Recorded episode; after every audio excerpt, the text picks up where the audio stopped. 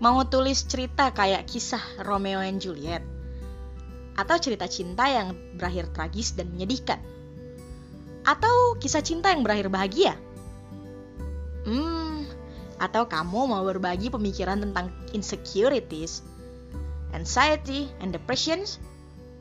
Melalui podcast Share Your Thoughts, kita bakalan bahas tuntas tentang tips and trick menulis dan berbagi pengalaman tentang insecurities, anxiety, and depressions. Semoga melalui podcast ini kita bakal menjadi orang yang lebih baik lagi ke depannya. Jangan lupa akan diupdate seminggu sekali.